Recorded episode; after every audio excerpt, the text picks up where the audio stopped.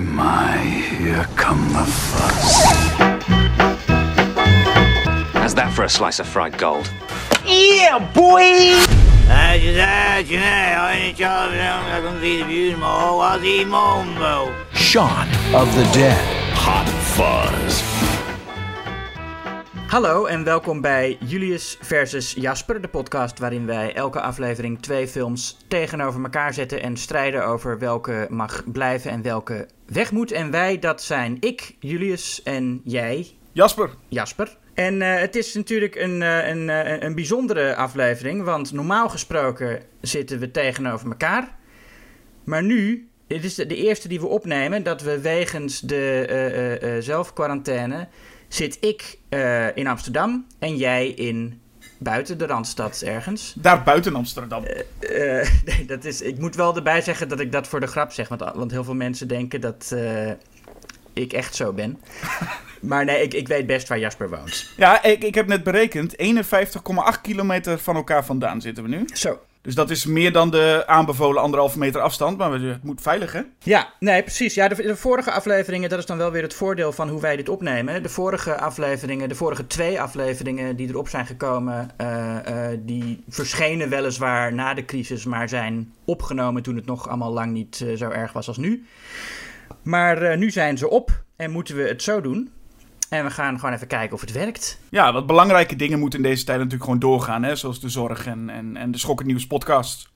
Ja, essentiële beroepen. Nou, dat zijn wij ook. Ja, filmkritiek is toch wel vrij essentieel, eh, denk ik. Precies. En daarom Dus hebben we ook eh, een relevant thema, toch, deze keer? Ja, zeker. Want eh, we gaan het hebben over Shaun of the Dead versus Hot Fuzz. De twee films van Edgar Wright, samen met, eh, die hij samen maakte met Nick en Simon. Eh, ja, precies. Dit- ja, goed, hij heeft natuurlijk ook nog The World's End, die ook deel is van de trilogie. En het is een beetje lullig om die er buiten te laten, want dat is toch ook een gelijkwaardig deel ervan. Tenminste, ik vind die even leuk. Ja, en ik zag dus online ook heel veel over The World's End, die toch veel lager scoort qua gemiddeldes. En ik wilde inderdaad eigenlijk ook even zeggen dat The World's End niet onderdoet aan Shaun of the Dead of Fuzz, wat mij betreft. Nee, nee, helemaal niet. Nee, ik vind ze alle drie ook eigenlijk eh, even on- ongeveer even goed. Ja. Ehm, maar ja, ik, ik, ik moest er toch één eh, kiezen. En volgens mij heb ik Fuzz gekozen. Nee, jij gaat het opnemen voor Shaun of the Dead. Oh, gelukkig. Oh, nou, dan, dan ben ik helemaal blij. Want eh, dat, ik, ik zat te kijken en ik dacht dat ik Fuzz moest verdedigen. En toen dacht ik, oh, ik, maar Shaun of the Dead is me eigenlijk veel liever. Waarom heb ik Hot Fuzz gekozen? Maar nu hoor ik dat ik toch eh Sean heb gekozen, dus daar ben ik blij mee. Ja, en dan ga ik het dus opnemen voor Hot Fuzz. Maar we kunnen al Ja. wel verklappen dat we allebei dus beide films goed gaan vinden. Want dat is gewoon Ja. zo. En misschien moeten we beginnen, en daar weet jij misschien nog het meest van. Eigenlijk begint het bij een serie genaamd Spaced. Ja, eh, een, een, een sitcom waarvan alle afleveringen geregisseerd zijn door Edgar Wright. In, in, eh, in Engeland is dat nog wel normaal dat één regisseur alle afleveringen doet. Eh, geschreven door en met in de hoofdrollen Simon Pegg en Jessica Stevenson. Die in Shaun of the Dead een heel klein rolletje heeft. Ehm, en die serie, dat is waar, eh, eh, nou ja, waar die samenwerking begon. En waar het een, een, een cultpubliek voor het eerst kennis maakte met de visuele stijl van Edgar Wright. Die hij in die films nog veel meer zou uitwerken. Maar in die serie zie je ook al wel zijn visuele comedy-stijl. En hij is een van de weinige regisseurs, een van de weinige comedy-regisseurs die echt iets visueels met comedy doet. Je hebt heel veel comedies tegenwoordig van, van Paul Feig en, en eh, nou, al die Judd Apatow producties en films van Adam McKay, die op zich eh, soms wel grappig zijn, maar heel weinig doen met het, met het medium film. En eigenlijk zou, zouden die films van Paul Feig, je zou je kunnen voorstellen dat die ook als toneelstukken werken. Hè, zoals Bridesmaids en, eh, en, en dat soort dingen. En terwijl eh, eh, wat Edgar Wright doet, kan echt alleen maar in film. Wat zitten in, in, in Spaced zitten ook al, al die montagetrucjes die we in Shaun of the Dead vast ook en- zien. Ja, en, en flashpans en, en, en dingen die grappig het beeld inkomen. Wat in, in zijn films ook heel vaak gebeurt. Dat iets hè, op, op, een, op een geest... Het is eigenlijk sowieso altijd grappig als iets plotseling het beeld inkomt. Of, of het is eng of het is grappig. Dat is eigenlijk, zijn eigenlijk de twee redenen waarom mensen dat doen. Je hebt een, een, een jumpscare maar in, in comedy werkt dat ook. Dat er opeens, zoals in, in Shaun of the Dead, die telefoon uh, naar zijn gezicht wordt uh, uh, gehouden als hij in de winkel staat. En in Hot Fuzz heb je een, een soort gelijk moment dat hij een, een gebakje aangereikt krijgt. En dan zie je zo het hoofd van Simon Pegg. En dan komt van buiten beeld zo een hand met een schoteltje met een gebakje erop naar hem toe geschoven. Dat soort visuele grapjes. Um, dat is iets waar, waar Edgar Wright vrij uniek in is in het uh, comedy-landschap. En dat, dat zijn maar twee voorbeelden natuurlijk. Ja, ik weet nog goed dat we in de It-podcast hadden we het over die miniserie It, waarin dat ook gebeurt, maar dan niet bewust als grapje dat iemand een glas water volgens oh, mij krijgt en dan wordt het ook zo voor zijn hoofd geschoten. Ja, ja precies. En dat werkt leuk, ja. En, en nog even waarom het ook relevant is. Shaun of the Dead is natuurlijk relevant nu hè, vanwege, oké, elke zombie-apocalypse film of elke apocalypse film is nu relevant. Maar Simon Pegg en Nick Frost hebben ook onlangs maart 2020 een korte video The Plan gemaakt. Uh, oh ja. Waar ze ook iedereen even vragen om thuis te blijven. En daar doen ze een stukje Shaun of the Dead na. En over, over Spaced gesproken, daarvan las ik dat er in ieder geval... Ik heb die serie dus nooit gezien, maar ik, dat er ook een, een één aflevering was, getiteld Art. En die was een soort inspiratie voor uh, Shaun of the Dead eigenlijk? Um, ja, het is een tijd geleden dat ik het allemaal zag. Het is sowieso wel een serie waarin ook heel veel verwijzingen naar genrefilms zitten.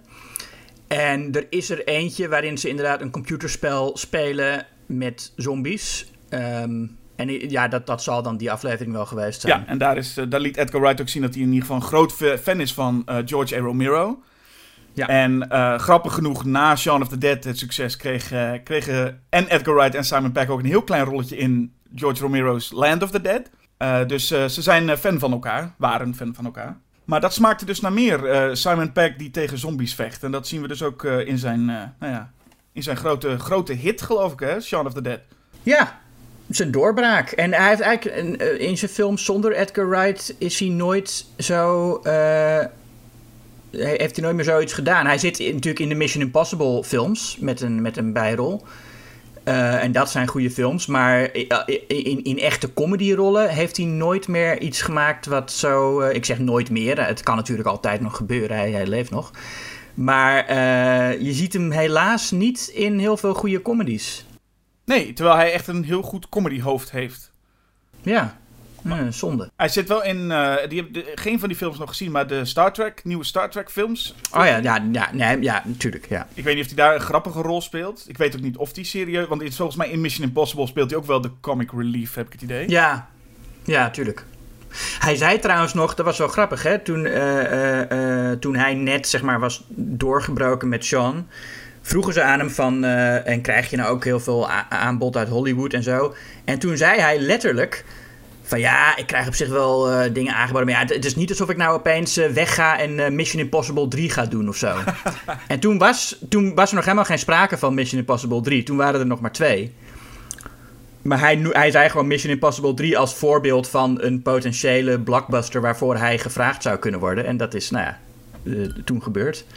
Ja, nou ja, de carrières van in ieder geval Simon Pegg en Edgar Wright. Ik weet niet of Nick Frost ook echt enorm aan de weg getimmerd heeft sinds deze films. Nou, Nick Frost heeft het uh, uh, wat kleiner gehouden. Hij zit nog wel, hij zit in best wel wat uh, meer indie films en, en kleinere Britse comedies. Ja, en sowieso zitten er heel veel namen waarvan een heleboel natuurlijk niet meteen begonnen daar. Maar er zitten heel veel grote namen eigenlijk ook in deze films verstopt. Ja, veel, zeker in, in Hot Fuzz. Heel veel oude Britse sterren ook, die hier allemaal wat minder bekend zijn.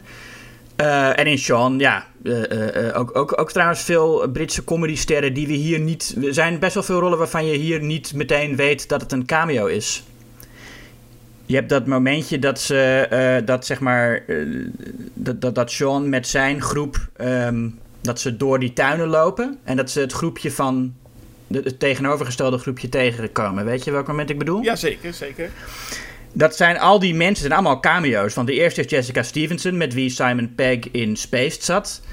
En dan heb je steeds uh, uh, um, cameo's uit andere sitcoms waarin ze allebei zaten. Dus je hebt Lucy Davis, de, Diana in de film, die ziet dan Martin Freeman, met wie zij in The Office speelde. Dylan Moran ziet Tamsin Creek, met wie hij in Black Book zat. Uh, dus het zijn allemaal, allemaal cameo-rollen. Ja, en Martin Freeman die kreeg in Hard Fast een iets groter rolletje... en in The World's End meteen weer een nog grotere rol. ja. En ehm, ja, Bill Nighy zien we natuurlijk hè, in, in zowel Shaun of the Dead en heel kort even in Hard Fuzz. Die doet het andersom. Ja. Die had een grotere rol in deze en dan eh, eh, kwam die even opdagen in, eh in Hard. Ja, en, en, en, eh, en, hij, hij- en die rol was trouwens nog groter dan, ehm, dan oorspronkelijk het plan was. Want Edgar Wright had hem daarvoor eh, gevraagd voor een cameo. En toen zei Bill Nye van ja, maar ik, ik doe bijna alleen maar cameo's. En ik wil gewoon nog één, eh, één, één grap meer. Want als ik alleen maar cameo's doe, dan gaat niemand me ooit meer vragen voor een echte rol. En dit was voor Hard Fuzz? Ja, dat was voor Hot Fuzz. Nou ja, want die komen ook nog even terug inderdaad. Je hebt daar een, een scène met Martin Freeman en Steve Coogan en eh, Bill Nighy. En die komen inderdaad in het begin even en aan het einde komen ze nog even terug. Maar laten we beginnen met Shaun of the Dead even. Waar, want Ja, jij, nou, we eh, zijn er al over begonnen. Ja, ik heb al een paar dingen gezegd, maar we moeten inderdaad gewoon even beginnen. Eh, waar, waar zag jij deze film voor het eerst? Waar zag ik deze film voor het eerst? Ik denk niet in de bioscoop of zo. Ik weet dat deze film pas later op mijn radar verscheen, zoals bij velen geloof ik wel. Maar het bleek wel een enorme hit te zijn. Maar ik denk dat het pas aangewakkerd werd natuurlijk na deze film. Dat eh, iedereen erover ging praten. En inmiddels s- belandt de film als horror-comedy zijnde... eigenlijk op bijna alle toplijsten van beste zombiefilms alle tijden. Ja, ik vind het, zo, ik vind het eigenlijk wel een goede kanshebber voor zowel beste eh, zombiefilm aller tijden als beste horrorcomedy aller tijden. Hoewel ik in die laatste categorie altijd, denk ik, Bride of Frankenstein op zal hebben staan. Maar het is een. een ik, ik, ik, nee, ik zou het niemand kwalijk nemen als die eh, Shaun of the Dead op zou zetten. Ja, en wat meteen opvalt, als we Shaun of the Dead dan even instappen, hè. Eh, je verwacht bij een zombiefilm, of bij een zombie comedy, je verwacht eigenlijk altijd een grote beginscène. Met al de nodige zombies, de nodige gore of wat dan ook. Het is heel grappig dat Shaun of the Dead de eerste 20 minuten zijn personages leren kennen en relatieproblemen. Daar begint de film gewoon eigenlijk Ja. mee. Ja, echt als een, als een romantische comedy of als een soort sitcom. Maar dan met dus wel al die bijzonder flashy stijl van Edgar Wright, die in de openingsscène meteen al een, een prachtig voorbeeld van hoe hij ruimte gebruikt. De leukste grap in de openingsscène is hoe er telkens meer personages onthuld worden die ook bij het gesprek aanwezig blijken te zijn dat Sean met zijn vriendin voert. Ja, het voelt- als een ge- gevoelig gesprek waarin ze over de vrienden praten, maar die blijken gewoon ook aan tafel te zitten. Ja, en, en, die, en dat wordt dan onthuld met dat eh, het, het beeld steeds groter en ruimer wordt. Ehm, en dat is meteen al iets waarmee Edgar Wright laat zien van... kijk, ik, ik, ik, ik ben niet een comedy-regisseur die niet het medium ook visueel gaat gebruiken. Nee, en toch vind ik het bijzonder voor een nou ja, horrorfilm of horrorcomedy die niet begint met een knaller. Wat het wel is, het is een hele goede scène. Maar ze, ze komen meestal met een soort van inkomertje. En deze film begint gewoon... Ik, ik zat ook te denken toen ik hem even opnieuw ging kijken van... Waar begon de film ook weer mee? En hij begint gewoon ja, aan de bar waar... eh, in de kroeg waar, waar Simon Peck zit te praten met zijn vriendin. Nou, en, en, en, en daar wordt wel natuurlijk meteen het, hoofdthema van de film aangesneden. Dat hij, eh, ehm, nou ja, iemand is die eigenlijk stilstaat en een beetje als een zombie eh, niet veel verder komt en zich niet meer ontwikkelt en dat hij daar eh, vanaf moet. Ehm, ik zag die film voor het eerst wel in de bioscoop toen, ik, nou, toen die uitkwam. Toen was ik eh 16 of 17. Eh, toen was ik dus jonger dan Sean. En hoe, hoe meer ik hem later zag, hoe, hoe dichter ik bij de leeftijd van Sean kwam, hoe, hoe beter ik die film ging vinden eigenlijk. En nu ben ik ouder dan Sean. En dat is ook wel een rare gewaarwording. Ja, dat geloof ik wel, ja. Eh, niet dat ik mezelf eh, heel erg zie als Sean op, op zich. Het gaat best wel lekker. Ik, ik heb niet per se behoefte aan een zombie-apocalypse om mijn leven op orde te krijgen. Ik red het ook wel zonder. Maar ehm, ja, het is toch. eh, ik, ik heb me wel eens in mijn, in mijn, eh, eh, in mijn twintiger jaren wel eens te veel geïdentificeerd met Sean, denk ik. Nou, het grappige is dat je zegt van ik heb mijn leven wel goed op orde. Maar Sean heeft voor zijn gevoel volgens mij best wel... Hij is best wel tevreden. Ja, maar het is wel duidelijk dat hij dat niet heel lang gaat zijn als hij niks verandert. Hij, want hij, ik bedoel, zijn vriendin schudt hem wel echt wakker. Als zij zegt het is uit, dan ziet hij ook wel meteen wat er verder nog mis is met zijn leven. En dan schrijft hij ook op, zo'n, op, op een briefje, zet hij ook soort life out op zijn to-do list. Eh, eh, voordat de zombies komen. En als de zombies komen, is dat ook wat hij gaat doen. Soort is live out. Ja, en wat natuurlijk heel erg sterk bij dit soort films werkt. Je hebt natuurlijk aan de ene kant Sean en Ed, zijn, zijn goede vriend Nick Frost, die nog, nog meer een loser is eigenlijk dan Sean. Ja. Zelf de overtreffende trap zo ongeveer. Maar de personages die Sean eigenlijk willen overtuigen om eh, zijn leven op orde te krijgen, dat zijn ook wel wat saaie figuren. Die huisgenoot bijvoorbeeld, dat is ook echt wel zo'n figuur waarbij je als kijker volgens mij moet voelen van, oh, ik vind het eigenlijk wel een vervelende vent. Ja, Peter Serafinowicz, ja. Dat is een, een, een vervelend persoon. En, en ook zeker Dylan Moran, die uh, de, de vriend van Diana speelt, of de huisgenote van Liz.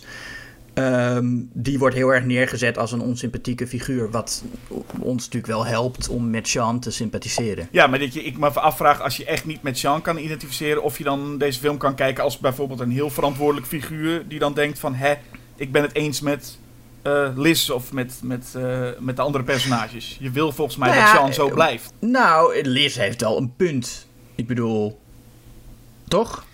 Ja, ze heeft wel een, het is ook altijd lastig, want bij zulke films zit je als kijker natuurlijk ook dat je liefst niet wil dat Liz slaagt. Of in ieder geval niet snel genoeg, want dan heb je geen leuke film meer.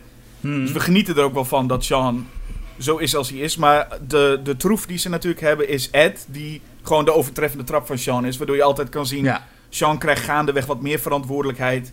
En dan blijft Ed blijft altijd gewoon Ed. Ja, precies. Ja. En, en ja, vrij letterlijk, want hij wordt een, een zombie. Dus hij kan ook niet meer ontwikkelen. Aan het einde van de film nee, maar is het gewoon onmogelijk dat hij nog uh, uh, uh, volwassen wordt en zijn leven op orde krijgt. Ja, maar je ziet aan Ed aan, aan, alles wel duidelijk dat die volgens mij ook nooit zou ontwikkelen. Ook als hij niet zombie was geweest. Hij heeft, maakt wel iets kleine ontwikkelingen door, maar eigenlijk niet, niet veel. Nee. En Sean wordt echt getriggerd om maar nou ja, zijn leven op orde te krijgen. En dat, uh, nou ja, dat levert gewoon, wat dat betreft, die zombies komen eigenlijk pas laat aanzetten. Deed me een beetje denken aan, recentelijk hadden we Little Monsters, ook zo'n zombiefilm die heel lang niet over zombies gaat, maar gewoon over de, de, de, de comedy en de romantiek tussen verschillende personages. Wat heel prima werkt. Zeker als je het goed geschreven hebt. En, en, en Edgar Wright heeft een, het is een soort, het deed me denken aan een soort van screwball comedy, hoe snel en scherp die... Uh, die dialogen steeds zijn. Ja, en het is ook altijd grappig. Dat is wel, je hebt heel veel uh, comedies tegenwoordig waarin heel veel geïmproviseerd wordt en waarin het script eigenlijk ook, ja, ook heel veel functionele dialogen heeft die dan grappig moeten worden door de manier waarop ze gespeeld worden of zo. De mensen die denken van, oh, maar we doen Will Ferrell erin en dan is het wel grappig als hij ook, ook gewoon wat hij maar zegt. Maar Edgar Wright is echt heel zorgvuldig. En Simon Pegg trouwens, met wie hij de film uh, schrijft. Uh, Pegg en Wright zijn echt heel zorgvuldig met... Elke regel is of uh, grappig...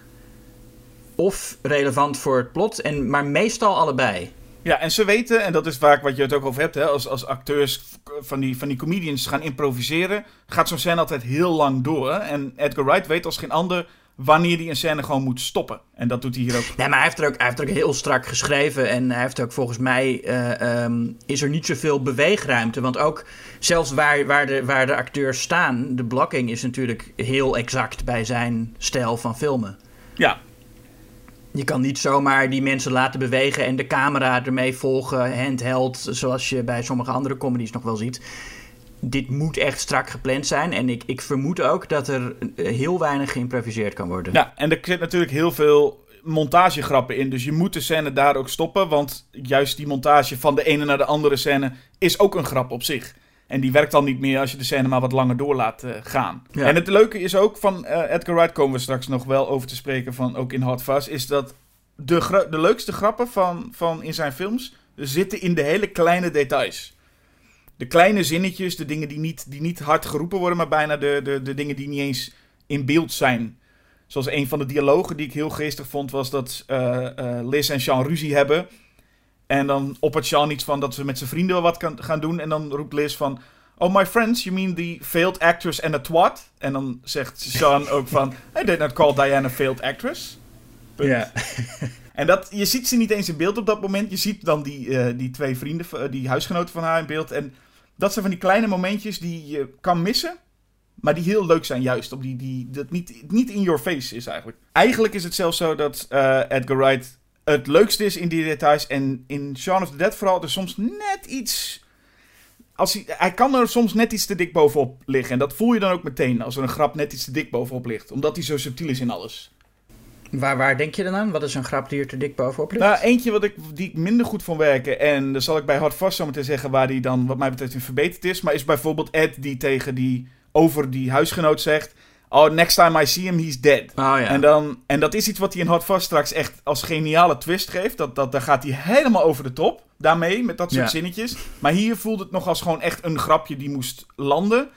En toen dacht ik, ah, ja, goed. Ik bedoel, het is... Ja, dat is, ook, dat is net niet subtiel genoeg. Hij heeft, hij sta, hij heeft natuurlijk heel veel eh, ehm, vrij eh, subtiele eh, grappen en, en, en, en voorschaduwingen. Is dat een mooie vertaling van foreshadowing? het, is, Nou ja. het is een vertaling. Die, die heel subtiel zijn en die je soms zelfs nauwelijks kunt zien. Of die dan op internet ergens uitgewerkt worden. Zoals dat, dat Ed op een gegeven moment zegt... We gaan morgen gewoon de dag beginnen met een Bloody Mary. En daarna eh, eh, naar de King's Head. En dan dit en dat. En dat heeft hij dat hele verhaal. En dat is dan ook wat er in die film min of meer gebeurt. Want ze beginnen met, een, een, eh, met, het doodmaken van een zombie die volgens haar nametag Mary heet. En vervolgens gaan ze naar Sean's stiefvader. Dat is dan een beetje de King's Head. En dan, nou ja. Dus dat is dan. maar dat, dat, dat merk je eigenlijk pas als je heel goed oplet. Terwijl zo'n inderdaad, next time I see him, he's dead. Dat is wel vrij duidelijk. eh, dat weet je ook als je die film voor het eerst ziet. Dat, dat is wat er gaat Dat gebeuren. is wat er gaat gebeuren, ja precies. Wat ik ook leuk vind, de details waar je het net over ook had. Eh Sean gaat op een gegeven moment, een van de bekendere scènes, Sean gaat op een gegeven moment zijn routine weer doen. Die hebben we al een keer gezien. Hij doet het nog een keer, maar dan met een zombie apocalypse. En hij, Ja. hij merkt niks vreemds. Ja, hij merkt geen. En dat is, dat van, dat is eh, een, een heel sterke, sowieso een van de sterkste scènes uit de film. Maar ook zeker nu in tijden van corona. ehm, herken ik me wel eh, in Sean. Hoe hij daar loopt. En ook zeker hoe, hoe, naar de, ja, hoe ze later in die film eh, tussen de zombies doorlopen. Krijgt ook meteen eh, een, een, soort, eh, een, een soort nieuwe waarde in deze eh, crisistijd. Ja, want hoe, hoe zie je dat dan? Nou ja, dat, dat je. Nou ja, dat. Sowieso wordt er op het nieuws al gezegd dat je afstand moet houden van die zombies. En ik voel me ook heel erg als ik Sean zo zie lopen en, en die zombies eh, op afstand proberen te houden. Dan denk ik van ja, zo, zo voel ik me nu ook als ik gewoon boodschappen probeer te doen. Nou, dan hoop ik dat je iets meer oplet eh, als, als de bloederige handdrukken op een, eh, op een koeling zitten. Ja. Maar wat ik daarin heel sterk vond, is dat Sean heeft natuurlijk die koelkast, doet hij open, er zit een bloedige handdruk op, die ziet hij gewoon niet eens. Daarna glijdt hij uit. En ik dacht, eh, je denkt meteen, glijdt uit over een hele grote plas bloed. En als de camera verder weg gaat, zie je die plas bloed. Maar die zie je dus nooit. Ja. En ik, je weet gewoon, je hoort alleen maar dat. Hij, glijdt een beetje weg en loopt door. En je ziet gewoon hier in je hoofd, die plas bloed ligt daar. Maar je ziet die nooit. En dat vind ik ook een sterk visueel dingetje om het juist niet te laten zien. Maar we weten het allemaal. En ik denk zelfs dat in heel veel mensen onder bewustzijn weten gewoon van... Oh ja, ik heb dat ook gezien, dat hij door, dat, eh, door zo'n plas bloed heen glijdt. Ja. Dat zijn heel- dan heb je wel het sterk voor elkaar. Als je gewoon eigenlijk met een paar kleine geluidjes al en handelingetjes... kun je gewoon de hele situatie zo neerzetten. En natuurlijk gewoon heel geestig om Sean dan gewoon door te zien lopen. Alsof het, alsof het inderdaad een plas water is waarvan hij een beetje vervelend dat dat daar ligt. Ja, precies. Ja, er zitten later ook wel. eh, eh, ehm, ook voordat de, de, het echt losbarst, heb je een aantal momenten die al. ehm, zeg maar in de stijl van een horrorfilm zijn. Ik, ik moet denken aan het moment dat Sean op zijn werk is en dat zijn stiefvader Philip hem daar bezoekt. En de manier waarop Philip zich omdraait, is, dat is dan al echt als, zo'n, als een horrormoment. Het is volgens mij de hele tijd als we Bill Nighy zien... de hele tijd staat hij met zijn rug naar Sean toe... waardoor je de hele tijd denkt... Oh, die draait zich om en dan is er wat aan de hand. En de hele tijd is het gewoon nog steeds gewoon Bill Nighy. Heel mooi, heel goed gebruik van geluid ook trouwens. Dat eh, moet ook even benoemd worden. Eh, Edgar Wright is niet alleen visueel een briljant eh comedyregisseur, maar ook zijn sounddesign is hier op heel veel momenten zo ook gewoon echt deel van de verbale humor. One-liners worden afgesloten met een geluidje ter, ter eigenlijk als een soort punctuering van, eh, van de grap. Ja. En dat werkt. Je zou zeggen dat dat eh, niet werkt. Heel vaak als je denkt aan comedies waarin de muziek of, of de geluidseffecten de grapkracht bij moeten zetten, zijn het van die clichématige dingen van wap, wauw of zo, weet je, heel, heel oudbollig. Maar hier is het toch altijd fris hoe hij dat doet, omdat het net subtiel genoeg is. Ja, die subtiliteit zit, er ook in bijvoorbeeld, je hebt één, eh, oké, de zomb het zombie-meisje komt eraan. En zodra je weet dat de zombies eraan komen, dan wordt het ook iets minder subtiel, meestal. Ja. En ehm, je hebt natuurlijk een bekende scène, is eh, het, het meisje Mary valt op Sean en Nick, Nick Frost loopt weg, Ed loopt weg en komt terug en maakt even een fotootje. En dat is gewoon een, een grapje, oké prima. Maar dat grapje wordt eh, veel leuker door het grapje wat later komt als het meisje op een soort parasolhouder valt. En wat een heel mooi shot is, dan komt ze overeind en dan is er, zit er een gat door haar lichaam en dan zien we door dat gat Sean ook staan. En, dat, en dan zien we eh, Nick Frost heel even dat cameraatje doordraaien voor de volgende foto. Ja, en, En- dat horen we ook vooral. Ja, en, en, en dat wordt verder ook niet doorgezet. Eh, Sean, nou ja, doet Slaat die camera uit zijn handen. ja, zoiets inderdaad. Maar dus, het is maar zo'n heel klein momentje. Maar het feit, het zegt zoveel ook over Ed. Op het moment dat er zoiets gebeurt. En dat ze dan toch denken, hm, ik moet hier misschien even een fotootje van maken. En ik denk dat, Ja, dat is, en- daar zit echt de kracht van hem. Van die kleine subtiele dingetjes. Ja, en, en, en dat, volgens mij hoor je dat ook voordat je het ziet. Je hoort dat zo krk, krk, krk, hoe die dat opwind dingetje eh, van zo'n wegwerpcamera draait. Ehm, het wordt ook meteen een grappig geluid daardoor. Ja. Nou, terwijl natuurlijk de meeste mensen zullen die scène vooral kennen om de bekende platen gooien naar zombies. eh, die, eh, Ja. Dat is misschien wel een van de bekendste momenten uit, eh uit Shaun of the Dead. ja. Ehm, wat gewoon prima een leuke scène is. Maar ik denk dat ik zelf meer geniet van die hele kleine dingetjes dan, nou ja, vrij duidelijke grap door platen te gaan gooien. Wat ook verder nergens toe doet. Die, die, die platen doen verder ook niks bij die zombies. Nee, nee het, het is, ik vind het ook een beetje een raar wapen tegen een zombie. Ik bedoel, een grammofoonplaat. Dat is toch niet iets waarvan je meteen denkt... eh, ik ben in een tuin en oh, oh ja, de platen. Dat, dat gaan we gebruiken om de zombies op afstand te houden. Nee, ze gooiden volgens mij één met per ongeluk. En vervolgens is dat. Ja, denken dat... ze van, oh, we moeten er meer. Maar ja, dan ga, ik bedoel, gooi dan die kist waar ze in zitten. Ja, precies. Nou, nou komen we tot een goed punt. Wat ik ook. Jij, jij noemde al dat Shaun of the Dead wel een, een van de beste zombiefilms ook is. Ehm, maar Shaun of Dead heeft wel één probleem wat dat betreft. Is de zombies zijn totaal niet effectief. Het is bijna de vraag. Ik, ik zat zelf, ik ging Shaun of Dead nog een keer kijken en dacht. Hoe, hoe, hoe kan het eigenlijk dat zo'n slome gast eigenlijk als Sean dit allemaal overleeft? Maar als ik deze film nog een keer kijk, denk ik eerder. Hoe kan het dat iedereen zombie is geworden in dat plaatsje? Want dat lijkt me bijna onmogelijk, omdat die zombies totaal niet efficiënt zijn. Dat plaatsje is gewoon Londen, hè? Het is, ja, het is, een, het is een buitenwijk van Londen of zo, geloof ik, hè? Ergens. Of het voelt in ieder geval niet als een grote stad. Nou ja, eh, eh, dus... Nou ja, nee, het is gewoon Londen. Ja, eh, Londen heeft, heeft natuurlijk, is, is, is een grote stad. Maar we weten niet zoveel van de wereld buiten hun buurt, inderdaad. Nee, het voelt echt alsof er een klein plaatsje is waar allemaal zombies, waar iedereen zombie is geworden. Maar zo voelt het in ieder geval. Wat, wat, wat je ook heel sterk ziet, bijvoorbeeld ze, ze gaan Liz redden en dan gaan ze, bij, gaan ze allemaal, stormen ze dat huis uit waar al heel wat zombies lopen. En je ziet ook een van die zombies dan meteen wegdeinzen. En, en, Ja. en, en zo'n oude man die volgens mij echt denkt van, nee sla me alsjeblieft niet, ik ben maar een figurant. Ja, Maar dat, dat zegt heel veel over hoe ze met de zombies omgaan, dat het ook eigenlijk helemaal geen gevaar is. Nee, de zombies zijn hier nog vrij makkelijk eh, in, in, in toom te houden. Wat eh, eigenlijk ook wel trouw is aan de oude Romero-films. Als je in Dawn of the Dead dat winkelcentrum ziet, dan zijn er ook een paar zombies die je makkelijk eh, om, om kan douwen. Ik bedoel, als, als, die, als die motorbende daar binnen valt, dan zijn die zombies eigenlijk. die, die, die kunnen daar niet tegenop. En dat is volgens mij een beetje Edgar Wright's visie op zombies. Dat ze individueel meestal niet echt een gevaar zijn. Dat het pas erg wordt als het er heel veel worden. Als je, als je echt zo'n massa zombies hebt, dan wordt het een beetje eng. Maar ja, dat in, zelfs in dit geval, en daar ben ik het wel met je eens, dat dat niet zo sterk is aan de film. ehm, dat Sean ze op een gegeven moment allemaal om de tuin gaat leiden. En, en letterlijk door, of nou niet letterlijk, maar, eh, zeg maar door zo'n massa zombies heen rent. Zonder dat hij eh, ook maar enig moment echt in gevaar lijkt te zijn. Ja, en dat begint al daarvoor. Als ze naar de kroeg gaan, dan hebben ze een idee bedacht. We gaan de zombies nadoen en dan kunnen we ehm, nou ja, tussen hen lopen. Als we maar gewoon kreunen en langzaam lopen. Dit zijn ook echt van die klassieke zombies die heel traag lopen en met hun armen vaak gestrekt als, als het monster van Frankenstein. Zo lopen ze er ook vaak. Ehm, en dit is iets wat ik, wat ik zag in The Walking Dead doet dit ook. Die heeft een... eh, die had ook bedacht dat je als... Volgens mij in de tweede aflevering al. Dat je je helemaal kan insmeren met bloed van zombies. En dan kun je tussen ze lopen, want dan ruiken ze je niet. Ah, ja. En hier gaat er één stap verder. Is dat je gewoon letterlijk gewoon zombies hebben door als je traag loopt. En, denk, oh, dan, en als je kreunt, nou, dan zal je wel erbij horen.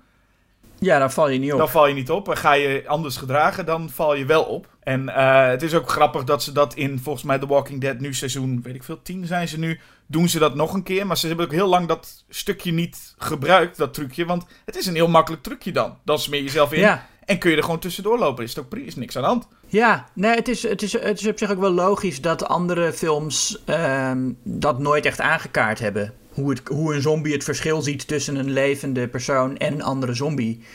Is iets wat de meeste zombiefilms een beetje eh, ja, geen aandacht aan besteden. Omdat je dan inderdaad heel makkelijk dingen zou kunnen oplossen. Ja, want dat zombie het gaat heel, bijna heel magisch. Je hebt het in volgens mij Dawn of the Dead ook als de, de, de, eh, de vliegjongen, Flightboy. Die verandert. Ja. En zodra de zombies willen hem aanvallen. En als hij waarschijnlijk gebeten was. En een soort van wegrent, willen ze hem opeten. Maar zodra hij zelf een zombie is. Dan willen alle zombies ook niks meer van hem weten. Dan denken ze meteen. meteen Ja. Oké, laat maar. Dan ben je ook niet meer. Zouden, zouden net ge- omgetoverde zombies nog niet lekker meer zijn dan? Ehm, ja, ik denk het. Ik, ik denk het. Ik, ik denk dat ze wel. Ja, god, ik weet niet hoe ze dat dan merken. Ik vind ruiken is een beetje eh, voor de hand liggend, vind ik. Of tenminste, zou, de rom, ja, zou een zombie. Kijk, je ruikt natuurlijk als mens niet meteen of iemand dood is. Ik bedoel, het duurt wel even voordat een lijk eh, eh, gaat stinken. En ik denk ook niet dat zombies een soort magische neus hebben, waardoor ze dat direct zouden kunnen ruiken. Nee, maar ze zouden het zelfs. Ze willen het zelfs niet eens eten. Terwijl je eigenlijk denkt, iemand die net vers een zombie is geworden, die zal ongetwijfeld nog wel iets Ja. eetbaars met zich meebrengen. Maar in dat geval zouden we anders allemaal, als je allemaal eh, cannibalistische zombies krijgt, dan krijg je natuurlijk gewoon een verhaal van zombies die aan elkaar zitten te vreten en zichzelf. En dat Ja. is iets minder, eh, iets minder eng. Ja, voor ons in elk geval wel. Ja. Maar het is in ieder geval in, in, in Shaun of the Dead mm, is het wel jammer dat de zombies... Op een gegeven moment is er ook een grapje natuurlijk. Al die zombies die eh, lopen richting de kroeg. En op een gegeven moment hebben ze ook een soort ruzie. Want Ed die neemt zijn telefoon gewoon op. En hebben ze een heel gesprekje. En dan is het natuurlijk een grappig moment dat dan ze opkijken... en alle zombies zitten aan te kijken. Zo van, we hebben de aandacht nu. Maar daarmee geef je al wel aan... oké, deze zombies zijn gewoon voor de grap. En niet echt zelfdreigend. Ja, dat moment, dat is een beetje... Daar wordt Edgar Wright's style eh, te veel een cartoon. Weet je wel, dan heb je echt de cartoon-logica van... waarom staan al die zombies stil en vallen ze niet aan? Nou ja, omdat het grappiger is. Het doet me een beetje denken aan een, aan een, aan een cartoon... waarin iemand niet valt voordat hij doorheeft... dat, er, dat hij een afgrond inloopt, weet je Ja, wel? ja, dat doet dit ook wel een beetje aan denken. Dat, dat het wel goed is als de zombies ook dreigend blijven. En wat Edgar Wright later ook wel laat zien. Als zombies je te pakken hebben, scheuren ze je ook wel echt uit elkaar. Dat is ook fijn om wel te zien dat ze ook echt wel iets doen. Ja, dat is het meest, eh, zeg maar, het meest, eh, de, de, de gorehounds die een beetje teleurgesteld waren dat Sean niet super bloederig is, krijgen een moment, eh, worden een beetje de dorst gelest op het moment dat David uit het raam getrokken wordt. En de zombies hem uit elkaar scheuren. Wat ook wel weer laat zien dat die zombies toch sterker zijn dan eerder vermoed. Want eh, eh, een mens kan niet zomaar iemands hoofd eraf trekken. Nee, maar zombies kunnen dat volgens mij altijd. Hè? Ingewanden krijgen ze echt met, met, met hun blote handen makkelijk uit je, uit je lijf. Dus dat is eh, ook niet heel consistent. Maar ja, dat is een zombiefilm eigenlijk bijna nooit. Nee, maar het is wel een, een verschil. Hij, hij laat natuurlijk zombies gewoon doen wat ze moeten doen. Een van de leukste dingen is eh, Sean die echt tegen zijn moeder ook praat van... Nee, Philip, dit is niet meer de man met wie je getrouwd bent. En vervolgens zien we Philip in de auto als zombie die dan de radio uitdoet. Ja. En dan even opgelucht zucht. Dus dat je dan denkt, oké, dit, dit, hier geef je Er even... zit nog iets... eh, Er ja. zit nog iets menselijks in. Ja. Eh, maar de, de, de rest van de zombies... Eigenlijk nog een probleem die ik meteen maar aankaart. Ja, ik moet het, niet, ik moet het voor hard vast opnemen. Dus ik ga Sean of het een beetje... De film heeft zijn eerste uur, zijn sterkste uur ook gehad. Ik denk als ze in de kroeg zijn... Het tweede deel eigenlijk van Shaun of Dead... is minder sterk dan dat eerste deel. Ik vind dat het in ieder geval wat inkakt in de kroeg. En een van de grootste problemen die ik waarschijnlijk heb... is dat eh Sean en, en, en Ed zijn leuk... maar Liz, Diane en David zijn niet hele interessante personages. Eh, ik vind David een grappig personage. Ik vind ook dat hij een van de grappigste uh, uh, zinnen in de hele film krijgt. Maar dat is puur door de manier waarop Dylan Moran het uitspreekt. Als hij uh, Sean Captain Wow noemt. Oké. Okay. Daar moet ik altijd erg om lachen. Um, maar nee, nee, nee ik, vind het, ik ben het niet met je eens. Ik vind het, het hele stuk in de kroeg ook het, het, het, het, het meest emotionele stuk van de film... dat hij zijn moeder moet doodschieten. Ja. Um, er, zit, er zit ook oprecht wel spanning in. Uh, ik vind het een hele leuke uh, uh, throwback naar het computerspel dat ze eerder spelen. Dat is dan weer een, een soort subtiele foreshadowing. Um, dat eerst begint ermee dat, dat zit Ed een computerspel te spelen voordat de zombies er zijn. En dan geeft Sean aanwijzingen waar, waar hij moet schieten. En later wordt die situatie omgekeerd in, in, in de kroeg. En ik vind ook het idee dat, zeg maar, de kroeg voor Britten is wat het overdekt winkelcentrum in Dawn of the Dead voor Amerikanen is. Zeg maar diezelfde soort culturele relevantie. Vind ik ook wel een mooie vondst. Ja, en het is vooral een mooie vondst omdat uh, natuurlijk in het begin van de film in die relatieruzie tussen Sean en Liz wordt natuurlijk heel erg gefocust dat Liz niet een keer klaar is om altijd bij die kroeg te zitten. En dat dat ook de plek is waar ze uiteindelijk naartoe gaan. Uh, ja. Als het einde de, de, van de wereld er aankomt. Wat ik ook fijn vind daarin is wel dat. Uh, ik, ik ben blij dat er een keer een hoofdpersonage is die niet kan schieten. ja. Meestal uh, is in elke zombiefilm is een personage die een geweer of een pistool in zijn handen krijgt. Die schiet iedereen ook recht door het voorhoofd heen. Ja. En hier zien we dus Sean echt gewoon meerdere keren misschieten en een paar keer in een schouder. En denk ik, oh, dat is wel fijn. Dat, het, dat is bijna nog het meest realistische in, in welke zombiefilm dan ook. Um, ik ben trouwens wel een beetje met je eens over Liz dat zij uh, niet zo'n interessant personage is. En dat is eigenlijk een algemeen probleem met Edgar Wright. Hij heeft, hij heeft eigenlijk nog nooit een echt interessant vrouwelijk hoofdpersonage geschreven. Nee, zijn films zijn, gaan sowieso vaak over mannen. Ja, in, in Drive heeft een, een, uh, zit er een, een love interest in die eigenlijk totaal niet interessant... Of niet, ik zeg Drive, Baby Driver bedoel ik heeft hij een, uh, is, is, de, is de vrouwelijke uh, uh, love interest totaal niet interessant. Misschien Scott Pilgrim? Scott Pilgrim versus The World heeft, ja, zit er veel mee, maar het is ook al een beetje een soort fantasievrouw. Het is een beetje wish fulfillment. Ja, ja, ja. ja het is wat dat betreft, en, en, en Diane heb ik hetzelfde een klein beetje mee, maar gewoon, ik vind het bij David dus ook, ondanks dat hij wel, wel gewoon een paar grappige scènes heeft vind ik duidelijk dat Shaun of the Dead leunt op Sean en Ed. Als die ook gewoon er niet zouden zijn, zou het ook gewoon meteen geen leuke film meer zijn. Want je wil geen scènes met alleen maar David. Ja, maar dat is, dat is net zoiets als zeggen van... oh, Terminator is alleen maar... als, als de Terminator er niet in zou zetten, zou het geen goede film zijn. Uh, als, als je uh, uh, in de Terminator Linda Hamilton en... en hoe heet, die, hoe heet die knakker? Dat die scènes nog wel interessant zijn. Ja, maar, dan, nee, maar dat is gewoon een andere film die je dan hebt. Kijk, als, als, als, ik, ik zou best ook een film kijken over Liz en David. Eh, of over Diane en David. Dat, is, dat vind ik, ik vind wel dat er. Uh, dat vind ik op zich wel een, een, een relatie met veel. Uh, humor. Ja, nee, ik, vond het, vond het minder, ik vond het minder interessant. Ook zeker toen Sean even een tijdje weg was. Dat je, ik, ik, je hoopt wel meteen weer dat hij snel terugkomt. Want daar uh, gaat het om, maar hij zorgt ook meteen voor het leukste.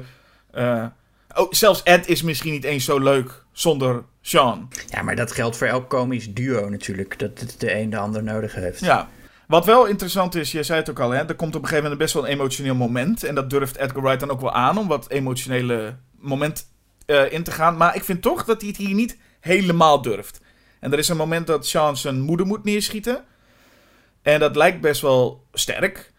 Uh, maar dan gaan ze allemaal kibbelen en dan wordt het ineens toch wel iets te veel echt over de top humor. Met dat ze elkaar gaan bedreigen en Daniel zegt dan iets van het is niet eerlijk zo. En dan zegt Ed, oh ja, en dan geeft hij haar dat kapotte flesje zodat zij ook met iets kan dreigen. En dan, dat voelt een beetje als, ah, nu doe je net iets te veel. Nee, maar het feit dat Ed dat doet, maakt het voor mij oké. Als, het, als Sean dat gedaan zou hebben, zou het niet kloppen. Maar Ed is uh, gewoon veel meer een, een comedy of een, een, een, hoe noem je dat? Een, uh, een karikaturaal personage. Dus ik vind het wel kloppen dat hij dat doet. En ik vind het ook heel knap dat de scène nog steeds emotioneel werkt. Ook met die grappen. Het is alleen, hij had voor mij één duwtje verder mogen gaan. En misschien de, de, de, humor zelfs een klein beetje links mogen laten liggen. En dat doet hij net niet. Maar ik denk dat hij daarmee gewoon nog net iets hardere klap had kunnen uitdelen. Net als de, dat hij af en toe best wel ineens met overdreven gore komt. Eh, maar ook wel met bepaalde emotionele scènes. Dat je denkt, oké, nu kan hij echt wel even een klap uitdelen. Van, jij hebt nu heel erg veel gelachen, maar je gaat nu wel iemand zijn moeder neerschieten. Nou, dat is op zich een sterke scène daar niet van. Maar het had, had wat mij betreft nog net één tikkeltje meer gemogen. En sowieso, een, een, een laatste tien minuten zijn heel ingetogen voor zo'n zombiefilm ook. Eigenlijk dat ze met z'n drie in die kelder zitten. Ja, een heel mooi moment dat Liz uh, Sean's sigaretten uit, uit de prullenbak gevist heeft. Eerder in de film heeft, was Sean bij Liz en zei hij... ik kan elk moment stoppen met roken, kijk maar. En dan gooit hij zo die sigaretten bij haar in de prullenbak.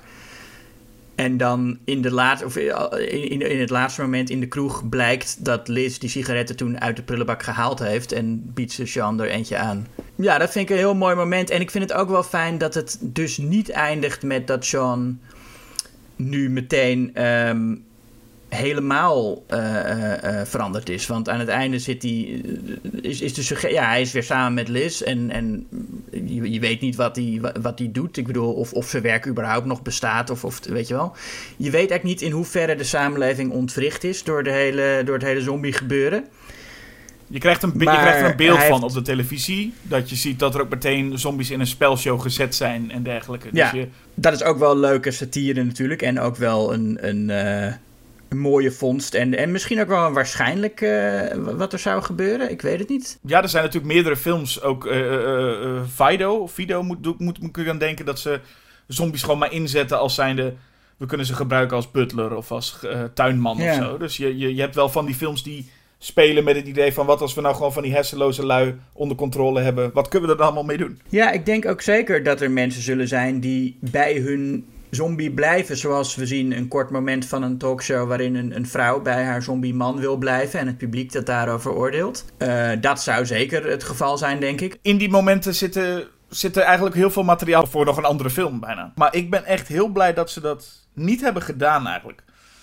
En er zijn natuurlijk wel ideeën geweest, sowieso omdat het zo'n hit is, dat er al snel vervolgen zouden komen. En de, de, de titel From Dusk Till Dawn ging al heel lang rond. Oh ja, dat is ook zo, ja. Maar, um, en volgens mij roept Simon Packett af en toe nog steeds wel eens in interviews als er naar gevraagd wordt van ja, ik heb misschien wel een, een, een script of een idee. Maar ik ben eigenlijk heel blij met het vervolg wat ze wel gemaakt hebben. Hot Fuzz. Want daar moet ik het ook voor opnemen. Ja. Ten eerste, ik ben blij met zo'n soort vervolg. Want hoe fijn is het dat je niet een vervolg krijgt waarvan je denkt... oké, dan gaan we nog een keer Sean volgen. Maar om gewoon een vervolg te hebben die eigenlijk geen vervolg is... maar in heel veel opzichten toch wel. Ja. Want het is dezelfde cast, maar het, is niet, zijn niet dezelfde personages. Maar ook de grapjes die terugkomen... Uh, eigenlijk op heel veel vlakken werkt Hard Fuzz ook heel goed als je Shaun of the Dead net gezien hebt. Ja, zeker. Ja, um, ja, want wat zijn de terugkerende elementen? Uh, het, is, de, de, heet natuurlijk de Cornetto-trilogie. Of natuurlijk, het, heet, het wordt de Cornetto-trilogie genoemd. Omdat in elke film Cornetto's een rol spelen. Uh, en eigenlijk in Sean de grootste rol. ik denk in, de, in, de, in de daaropvolgende twee films is het meer zo van... Zeker in World's End is het, is het een beetje een grapje van... Oh, er moet nog even een Cornetto in aan het einde. In Sean is het um, een beetje omdat volgens mij Edgar Wright en waarschijnlijk nog wel meer Britten in hun studententijd Cornetto's een heel goed katermedicijn vonden. Ja, en, en het is los daarvan is, zitten er heel veel grapjes, zoals ik, ik noem de, de be bekende uh, over de schutting springscènes, die ja. in alle drie de uh, films voorkomen. Dus er zitten wat stijlelementen, sowieso dezelfde stijl natuurlijk. Uh, dezelfde acteurs. En ik vind zo'n manier van vervolg maken eigenlijk wel... Dat zouden meer moeten doen. Gewoon zeggen, we hebben een hit. Ja. We gaan nu met hetzelfde uh, team... gaan we gewoon een hele andere soort film maken. Maar wel eentje die voelt ja. als een vervolg. Ja, nou ja, dat gebeurde vroeger natuurlijk nog best vaak. Ik bedoel, als je... Charlie Chaplin was eigenlijk altijd een variatie op The Little Tramp. Uh, Buster Keaton had ook eigenlijk maar, maar één personage dat hij vaak speelde, Harold Lloyd. En, en zelfs John Wayne en John Ford, als je de, de films die zij samen hebben gemaakt, voelen ook een beetje als, nou ja, je zou het geen vervolgen noemen, maar het was vroeger veel normaler dat acteurs en regisseurs vaak min of meer hetzelfde deden. Ja, en nu komt dan ook het, eigenlijk het meest een van de interessantste dingen aan Hot Fuzz. En ik geloof dat daarom ook voor Simon Peck en Nick Frost het fantastisch is. Want Edgar Wright laat ze andere rollen spelen. Ja, wat dat betreft is hij natuurlijk helemaal niet zoals John Wayne en Charlie Chaplin. Want hij speelt inderdaad een totaal ander, uh, eigenlijk tegenovergestelde van Sean. Ja, en het, het grappige hierin is dat je hebt dus Nicholas Angel, die, die de, de, de naam zou zo van een, van een Steven Seagal Chuck Norris ac, uh, actieheld kunnen zijn. Schijnt vernoemd te zijn naar een crewlid. Ja, Nick Angel, de, de, de muzieksupervisor is het. Dat is echt gewoon een, een, een, een, nou ja, iemand die bloedserieus is en heel goed in is in wat hij doet. En leuk is dat hij dan een, wordt gekoppeld aan Nick Frost, die echt nog een sulletje is. En dat, dat werkt heel goed. En het allerleukste is natuurlijk, voor, voor de acteurs waarschijnlijk ook, is dat in The World's End de rollen weer omgedraaid zijn. En krijgt, is uh, Simon Peck weer de loser en is juist Nick Frost een keer de serieuze gast. Dus het moet voor de acteurs ook heel fijn zijn geweest dat we denken, we mogen in deze films van Edgar Wright ook nog eens een keertje echt even wat anders laten zien wat we kunnen. Ja, precies. Ja. En ik denk dat het gewoon bijna leuker is. Ik durf wel met zekerheid te zeggen dat het leuker is. Ik vind het leuk om Simon Peck en Nick Frost, of misschien je hoofdpersonage in het algemeen, te zien in uh, verschillende rollen. Want in Shaun of the Dead is natuurlijk Shaun een beetje hetzelfde als Ed, alleen Ed is net iets meer. En in Hard Fast speelt heel erg met dat ze allebei totaal verschillend zijn. En dat dat juist heel veel leuke uh, scènes oplevert. Ja. Dus ik denk dat ik misschien wel blijer ben met de uh, combinatie twee totaal verschillende uh, personages. En dat krijg je hier ook. En in Hard Fast is daar eigenlijk een soort van, nou ja, politie. Het is gewoon een, een, een, is een, een tijdje een politiefilm. Um, waarin Simon Peck wordt overgeplaatst. En dat was hij in de scène met Martin Freeman, Steve Coogan en Bill Nighy. En het, ik vond de overplaatsing ook echt een van de leukste. De reden omdat hij overgeplaatst wordt, vond ik wel heel erg leuk. Want meestal bij dit soort films heb je een hele scène vooraf waarbij een politieagent de mist ingaat of iets dergelijks. Of iets fout doet of wat dan ook. En daardoor wordt overgeplaatst. En dan krijg je allemaal ellende en gedoe. En nu is het gewoon heel simpel. Ja, Simon Peck, je bent eigenlijk gewoon te goed. En je laat ons een beetje. Je zet ons een beetje verschut. Dus ga maar, ga maar weg. Ja, heel vaak zijn het natuurlijk in, in het soort Amerikaanse films waar Hot Fuzz een voorbeeld uh, aan neemt. En ook een beetje parodieert. Um, zijn het inderdaad agenten die hun eigen regels hebben en die zich niet houden aan het boekje. En het, eigenlijk het verschil tussen Nick Angel en vrijwel alle uh, agenten waar hij een beetje door geïnspireerd is, is dat hij zich heel erg houdt aan het boekje. Dat hij zelfs, al het, al het taal, zelfs het, het, taalgebruik uh, corrigeert hij de andere agenten. Nee, ze is geen, it's not police woman, she's a police officer. Ja, precies. Hij is, hij is overal 100% correct. En hij wordt dus geplaatst in het, uh, het, het plaatsje Sandford moet hij naartoe. Zo'n uh, zo'n plaatsje waar alles gaat, iedereen kent elkaar en uh, gebeurt eigenlijk helemaal niks. En daar wordt dus zo'n agent uh, neergezet. En wordt hij gekoppeld aan, aan Nick Frost, die Danny speelt. Het is weer een heel mooie verbritsing van een typisch Amerikaans genre op zich. In Shaun of the Dead had hij echt een soort, een soort Britse versie van de zombiefilm met, met de typisch Britse pub. En hier heb je dus een, een typisch Brits idyllisch dorpje. Uh, waarmee de film ook wel uh, teruggrijpt op een Britse traditie. Het is ook een beetje The Wicker Man. Uh, en het is een beetje, ook wel een beetje oude Britse detectives op zich, wat je daarin ziet. Ja, een beetje The Wicker Man. En we zien ook letterlijk Edward Woodward even ja. terug. Ik, ik, wat hier in Hardfast vooral opvalt, is wederom die, die details. Je zou echt denken, Edgar Wright die zou ook ontzettend goed een whodunit kunnen maken. Echt een, een, een, Oh, ja. een Knives Out-achtige film zou, zou die ook goed kunnen. Want elk detail, en dat deed me wat dat betreft een beetje denken aan, aan Back to the Future. Dat is ook zo'n script wat zo vol zit met details op de achtergrond, de dialoog en alles wat je daar maar ziet, heeft ergens mee te maken. En krijgt, krijgt op wat voor manier dan ook een, een rol van betekenis. En alles wat er volgens mij zo ongeveer in Hardfast gebeurt, of gezegd wordt, of op de achtergrond hangt, komt ergens terug. Ja. En dat vind ik wel bijzonder knap gedaan. Dat deed hij natuurlijk in Shaun of Dead, deed hij dat al. Maar ik heb het idee dat hij hier een stap verder gaat eigenlijk. En ook nog een overtreffende trap wat ik beter vind dan... In, we hadden het net over die personages. Ik pikte ze dus niet helemaal.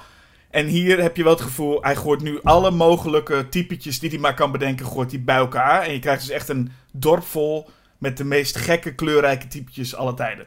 De, deze film leunt wat dat betreft een stuk minder op, op, op Simon Pegg en Nick Frost. Ook al spelen die wel echt hoofdrollen. Maar de bijrollen hier zijn nog wel echt veel belangrijker in deze film. Met, uh, nou ja, ik er zijn genoeg uh, leuke figuren. Voor mij dus het leukste, vond ik. Ik weet niet wat jouw favoriet is, maar voor mij was Timothy Dalton echt de allerleukste. Ik, ja, Timothy Dalton is erg geestig. Ik, uh, ik, ik, vond Olivia Colman's personage, het is een veel kleinere rol. Eigenlijk het enige wat zij doet is af en toe een, een, een double entendre roepen. Um, maar om haar moet ik wel het meest consistent lachen. Hmm. Toen was Olivia Colman natuurlijk nog niet de Oscar-winnares die ze nu is, maar was ze nog vooral een comedy-actrice. En uh, ja, ik, ik vind haar echt heel grappig. Ja, en, en, en, en Timothy Dalton is in ieder geval de, de, de, de, de, de supermarkt-eigenaar. Die uh, uh, de hele tijd met zijn ongelofelijke smerige grijns uh, en, en, en, en dat vind ik iets, dat is nog het allerleukste. Hij de hele tijd de, de verkeerde dingen zegt. Of eigenlijk de goede dingen zegt, maar... Ja, en het is er, je, je denkt, je, het, is eigenlijk, eigenlijk, het gaat zo ver dat je... Um, zodra die in beeld verschijnt, denk je al van, nou, het is waarschijnlijk een, een, een red herring of zo. Hè? Je denkt, het is allemaal zo obvious dat hij het gedaan heeft dat je als publiek denkt, het, het kan niet zo zijn dat hij het gedaan heeft. Want dat is veel te voor de hand liggend en veel te duidelijk. Ja, want Hardfast wordt, Hardfast wordt uiteindelijk natuurlijk een, een, een, een whodunit. Want Hardfast, er worden moorden gepleegd en Simon Peck moet uitzoeken wie het is. En uh, inderdaad, dan ga je een beetje kijken van wie zou het kunnen zijn. En, en Simon Skinner komt ook als eerste, zijn eerste dialoog komt ook meteen, zegt hij... Lock me up, I'm a slasher, I must be stopped. Ja. Uh, my discounts are criminal, catch me later. Dat, zijn gewoon, dat is wat hij allemaal zegt. Ja. Nou ja, dan, dan voel je al van, oké, dit is gewoon heel grappig. Um, maar het zal wel inderdaad een red herring zijn. Dit zal wel niet echt zijn. Ja, en telkens die muziek, als je hem ziet, uh, uh, het liedje Fire, als hij uh, langs rijdt en als, als er net brand gesticht is.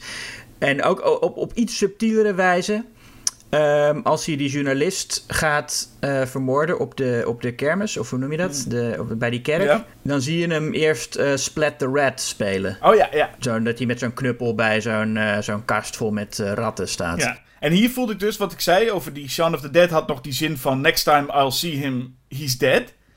En die landde niet helemaal. En ik heb hier het gevoel dat Edgar Wright gewoon echt over de top ging. En dus het heel erg, elk personage kan bijna naar zo'n zin uh, in de camera kijken en even knipogen. Want hè, ze zeggen iets en meteen daarna gebeurt natuurlijk het. Uh, nou ja, gebeurt zoiets. Die, voelde voor mij veel meer passen. Die Skinner zegt op een gegeven moment tegen die actrice ook van... I'm sure if we bashed your head in, all sorts of secrets would come tumbling out. ja, ja. Een, een, stuk met die onverstaanbare boer, waarbij een tolk komt die ook onverstaanbaar is. En zo worden ze steeds... Ja, ik, zulke dingen werkten voor mij geweldig. En dan hebben we het alleen nog maar over de personages en de dialogen die er allemaal steeds voorbij komen. Ja. En nog niet eens over het visuele. Ja, uh, laten we daar eens over hebben. Of laat ik eerst zeggen, ik denk dat Hot meer dan uh, Shaun of the Dead een, een parodie is. Um, ik geloof dat ze zelf, uh, Edgar Wright en, en, Simon Pegg, noemen zelf geen van die films parodieën. Shaun of the Dead is, vind ik, ook geen parodie. Wordt wel vaak zo genoemd. Maar mm, ja, nee, het is gewoon een, zombiefilm met humor. En uh, ook wel veel van dezelfde soort humor die ook de Romero-films al hadden. Ik zie daar niet echt in dat ze iets belachelijk maken. Hot Fuzz is iets meer een parodie, omdat daar ook echt wel de draak gestoken wordt met uh, de clichés uit uh, Michael Bay-films en zo. Het is wel een liefhebbende parodie, maar uh, ik, ik vind het meer een, een, een, een, de draak steken met. Um, en ook zeker in de relatie tussen Nick Angel en Danny Butterman, waarmee echt zeg maar het, het, het, het romantische, comedy-achtige, wat veel buddy cop films hebben, heel expliciet wordt gemaakt. Of nou, niet, niet zo expliciet als het kan zijn natuurlijk. Maar op het moment dat ze voor het huis van Danny Butterman staan en hij zegt: You want to come in for some coffee? Of uh, dat Simon Pegg zegt over dat, dat hij dat aapje op de kermis uh, gewonnen heeft. I, I want it for you. Die momenten dat echt de, de romantiek van het buddycop genre benadrukt wordt met de clichés uit een ander genre. Nou ja, en dan moeten we natuurlijk hebben over dat, uh, het personage Victoria. Het personage dat er niet in de film zit. Ja. Uh, omdat uh, Edgar Wright had wel een, echt een romantische, romantisch personage, een vrouwelijk personage in de film geschreven voor Simon Pegg. En ze hebben besloten om eigenlijk alles gewoon te laten, maar gewoon de vrouw eruit te schrijven en Nick Frost personage in te zetten. En dat vind ik zelf een van de meest geestige dingen, dat je eigenlijk dialogen ziet die bedoeld zijn voor een, eh, een, een vrouw.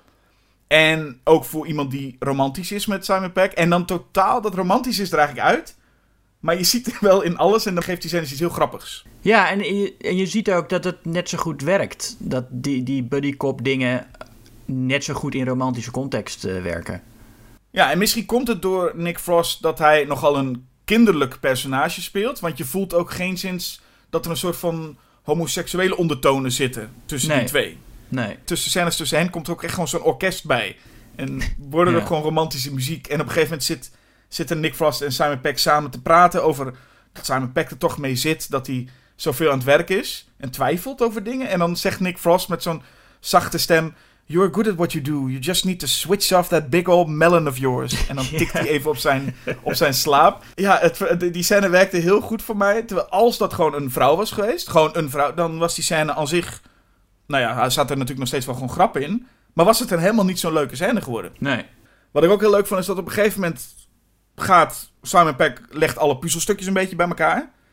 En dan verwacht je ook eigenlijk zo'n vergezocht, alles is met elkaar verbonden ding. Dat zet hij ook neer, hè, met iets, een stuk grond. En die wist van dit en die wist van dat. Ja. En wat ik hilarisch vond, is dat hij er daarna achter komt dat alle doodsoorzaken, dat alle moorden gepleegd zijn om hele domme, banale redenen eigenlijk. Ja, precies. Dat de, Ja. de acteur, acteur wist niet te veel. Nee, de acteur was gewoon slecht. En dat was Ja. genoeg reden. Ja, nee, alle, alles voor eh, the greater good. En dan blijkt er inderdaad een heel eh, eh, complot te zijn waar iedereen, of heel veel mensen in het dorpje bij betrokken zijn. En ehm, een van de dingen die ze dan ook zeggen is make Sanford great again. Wat nog, nog lang voordat Trump die slogan voor zichzelf had, voorspelde Edgar Wright al een soort fascistische eh, cultus die eh, alle, alle, alle eh, vieze elementen uit de samenleving wilde opruimen en een, een schone, nette samenleving, make it great again. Ja, precies. Met de, de, de journalist die moest dood. Niet om, ook niet omdat hij te veel wist, maar gewoon puur ja, die spelfout. Hij maakte gewoon een stom roddelkrantje van. Ja, De, de, de rijke vent moest weg, omdat ja, het gewoon een lelijk huis. Heel leuk. Gewoon. Dat, dat, soort, dat soort redenen worden gewoon gegeven en klaar. Ja, en dan, dan gaan we naar een, een, een, een- een, actiescène die echt goed werkt. ja eh, en dat vind ik iets waar eh, de, de, de, parodie eigenlijk het voorbeeld overtreft. Want er wordt heel veel verwezen naar Bad Boys 2 en Michael Bay films in het algemeen. En je ziet ook wel dat Edgar Wright eh, door die stijl geïnspireerd is. Door dat hele snelle eh, eh, knippen en, en, en, en een beetje het gevoel van chaos in de actie. Maar eh, waar dat bij Michael Bay zelden een goede actiescène oplevert, naar mijn mening. Weet Edgar Wright toch in al die chaos met al die flashpans en zelfs jump cuts die hij gebruikt. En, en hoe vaak hij ook over de, de, de 180 graden as gaat.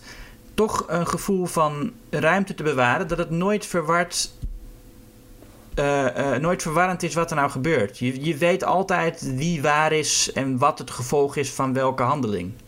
Nou, je houdt eigenlijk heel goed overzicht in een, in een actiescène. Er is volgens mij een moment dat eh, de dokter zijn, zijn shotgun gaat herladen.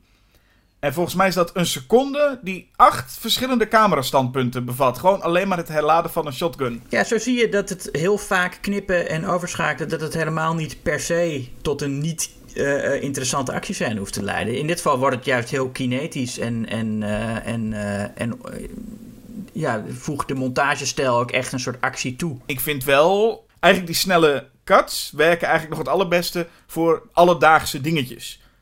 Misschien nog wel meer dan voor actiescènes eigenlijk.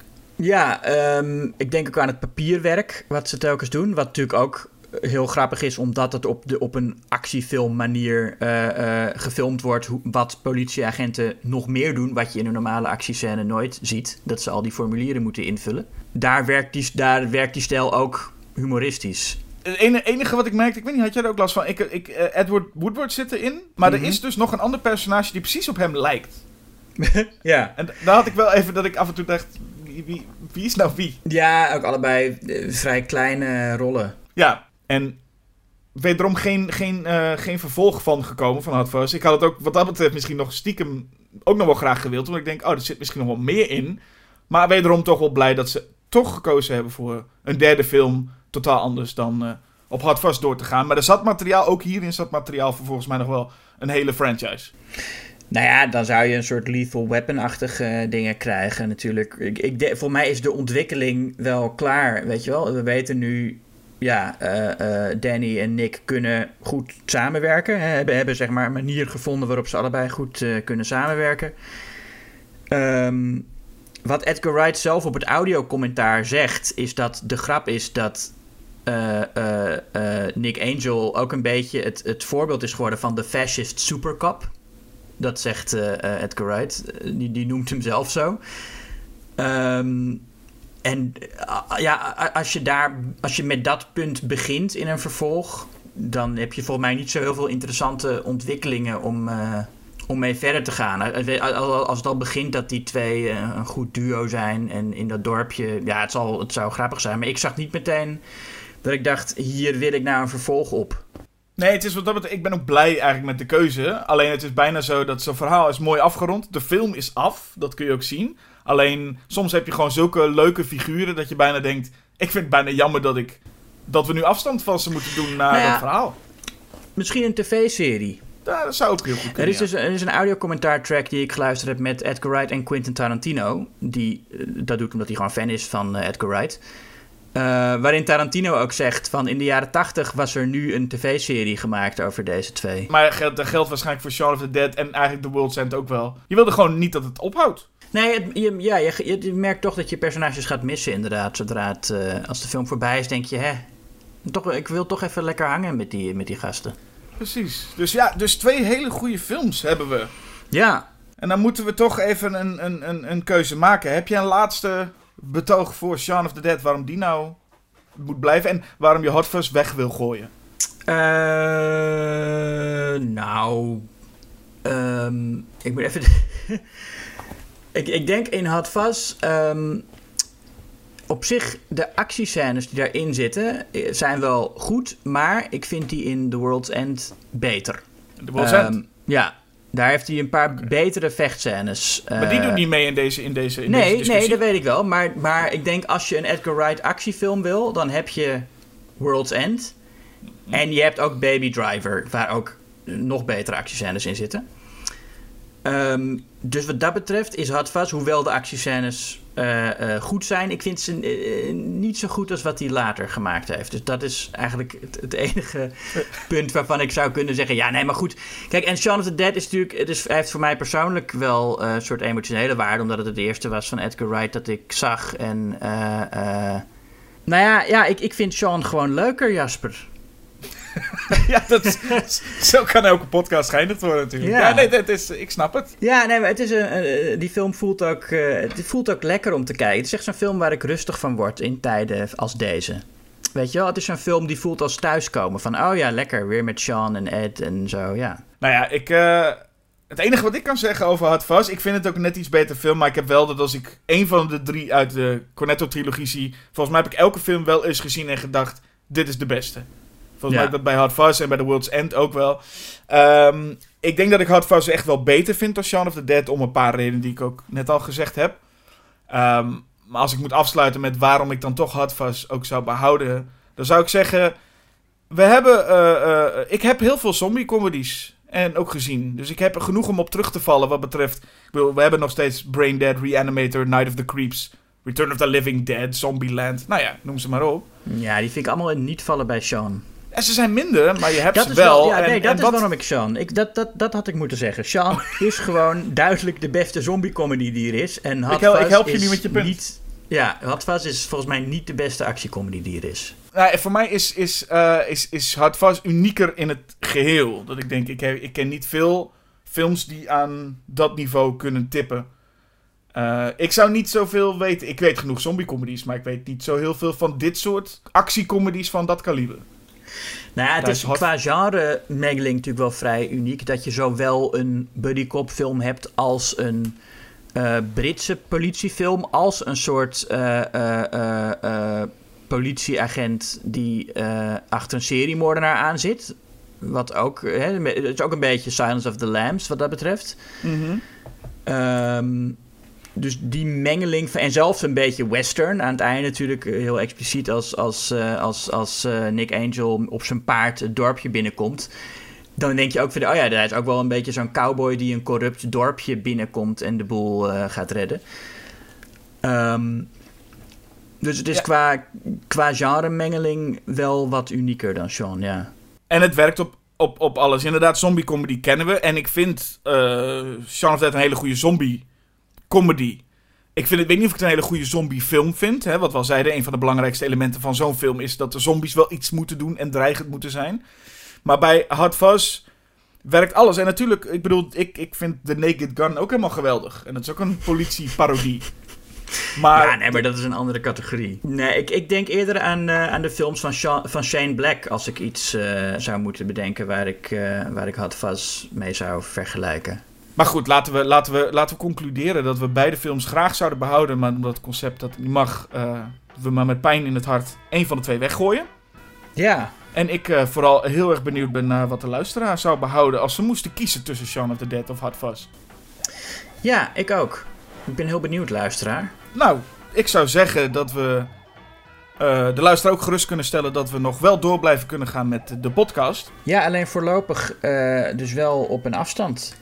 Ja, moet maar even zo, hè? Maar ja, veiligheid voor alles. Ja, goed, eigenlijk is het natuurlijk wat we vandaag zeggen... eh, eh, kan morgen alweer hopeloos achterhaald zijn. Dus we weten niet hoe lang het op deze manier eh, zal moeten. En podcasts blijven bestaan, dus misschien luistert iemand over twee jaar deze podcast terug en denkt, waar hebben ze het in hemelsnaam over? Ja, dit, nou, dit was dus de coronatijd, weet je nog? Ja, dan weten ze daarvan. Volgende aflevering hoeven we daar ook niet meer naar te refereren. Eh, dan gaan we gewoon weer twee films bespreken en eentje naar de prullenbak gooien. Ja, Alright, dan zou ik bij deze willen zeggen, tot de volgende keer. tot volgende keer.